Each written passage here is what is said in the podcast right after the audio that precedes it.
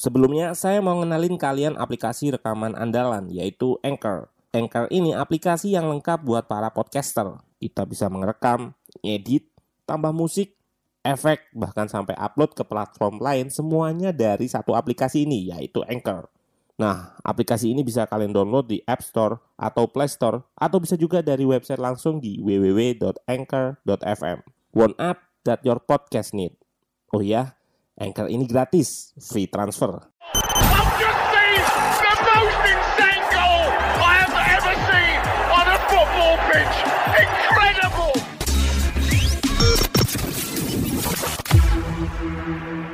Halo, selamat datang di channel Ruang Taktik. Di video kali ini kita akan analisis preview semifinal UCL antara Real Madrid versus Chelsea. Ini adalah pertandingan antara dua tim yang menemukan kembali performa baiknya. Chelsea semenjak ganti manajer mencatatkan torehan positif.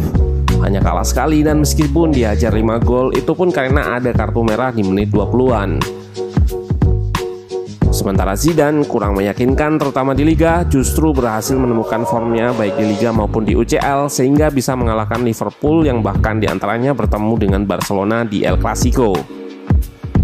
Nah, kita akan analisis sekaligus prediksi beberapa taktik kedua tim yang akan digunakan. Let's go, kita bahas sama-sama. Leg pertama akan dilangsungkan di Stadion Alfredo Di Stefano karena Santiago Bernabeu sedang direnovasi. Real Madrid Zidane ini cukup unik di tengah dinamika ketersediaan pemain. Pakem formasinya juga kerap diutak-atik meski dasarnya 4-3-3. Di laga lawan Liverpool misalnya lebih terlihat 4-1-4-1. Sementara di El Clasico bisa diubah 4-3-3-nya ke 5-4-1 atau 5-3-2 saat bertahan dengan blok rendah. Bahkan di laga versus Atalanta langsung memakai formasi 3 back. Ini membuktikan bahwa Zidane punya banyak variasi taktikal. Variasi taktikal yang banyak membutuhkan pemahaman taktik yang baik dari pemainnya agar eksekusi di lapangan berjalan baik. Inilah yang dilakukan Zidane dengan baik.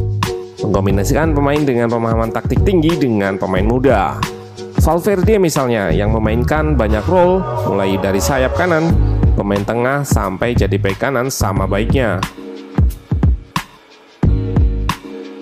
Kuncinya memang di trio Kroos, Modric, dan Casemiro.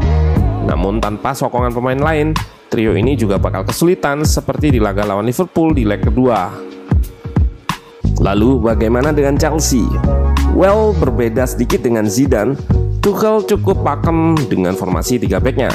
Perubahan taktik seringnya dilakukan di komposisi pemain yang kerap dirotasi. Ada Giroud yang dipasang ketika menghadapi tim yang memainkan low block. Memanfaatkan keunggulan udaranya, Atletico sudah jadi korbannya. Sementara jika ingin ekspos blok tinggi lawan menggunakan kecepatan Werner, ada Havertz juga yang bisa bermain sebagai false nine. Chelsea juga bisa bermain dengan disokong double ten, Mount dan Ziyech di belakang striker. Kalau formasinya cenderung pakem, 3 back menjadi 5 back saat bertahan. Yang menarik adalah skema dalam bangun serangannya yang menggunakan taktik slow build up. Dengan 3 back dan 2 pivot, Chelsea menggunakan umpan-umpan pendek di areanya sendiri guna mengundang press lawan sekaligus mengeliminasinya.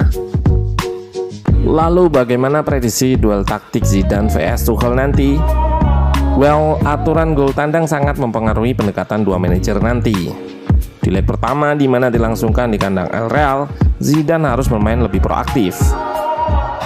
Aplikasi all-in-one dan menjadi andalan para podcaster buat rekam podcast mereka, namanya Anchor. Pakai Anchor ini, kalian nggak perlu peralatan ribet kayak studio kalau mau ngerekam. Semuanya bisa dari smartphone kalian menggunakan Anchor. Anchor bisa kalian download di App Store atau Play Store. Mudah banget. Di Anchor, kalian nggak hanya bisa ngerekam audio, tapi juga bisa ngedit langsung di sini. Nggak sampai di situ, Anchor juga dapat mendistribusikan konten kamu ke platform lain. Contohnya Spotify, Apple Music, dan lain-lain. Keren banget, satu aplikasi buat semua kebutuhan. Jadi nggak perlu aplikasi-aplikasi editing lain. Daripada kalian makin penasaran, mending langsung aja download Anchor sekarang.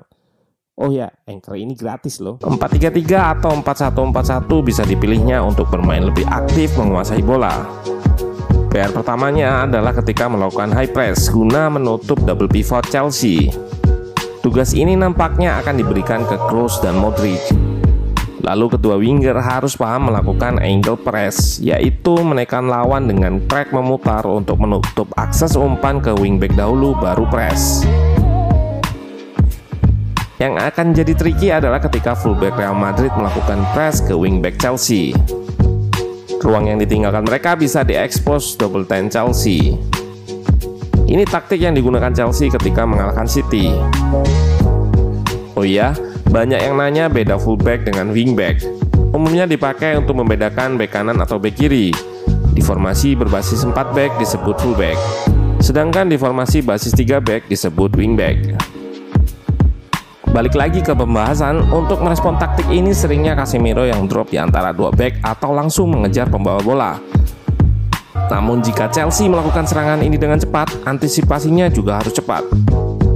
Chelsea juga bisa ekspos ruang yang ditinggal Casemiro dengan pergerakan double ten yang lebih cair. Atau Kante yang punya work rate tinggi. Real bisa juga mengandalkan wingernya untuk track back seperti laga versus Liverpool di leg pertama. Lewat kaki Toni Kroos, Real menjadi tim terbanyak kedua yang melakukan switch atau mengubah arah serangan secara cepat menggunakan long pass di 5 liga top Eropa.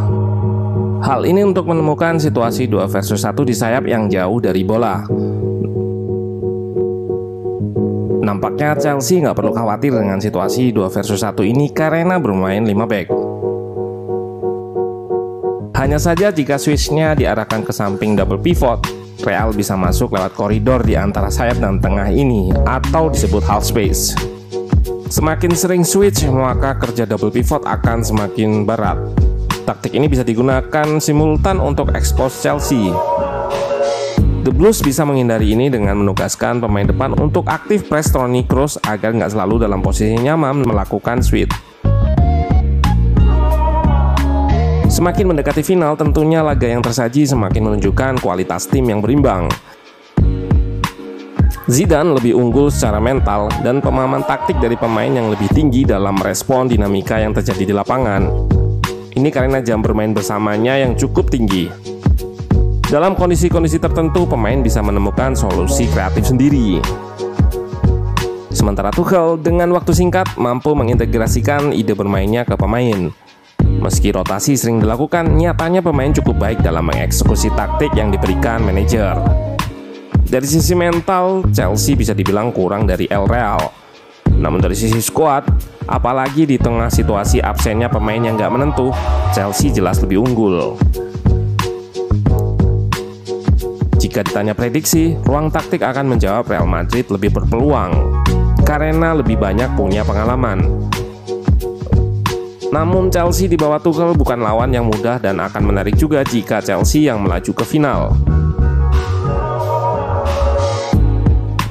Kita akan simak perang taktik ini nanti dan sedikit pengumuman kemungkinan analisisnya akan tayang di channel Backup Ruang Taktik karena channel ini sedang dalam masa ban karena copyright. Jika melakukan pelanggaran lagi, channel ini bisa di ban permanen. So, cek link deskripsi untuk memantau analisis pertandingan ini nanti ya. Terima kasih.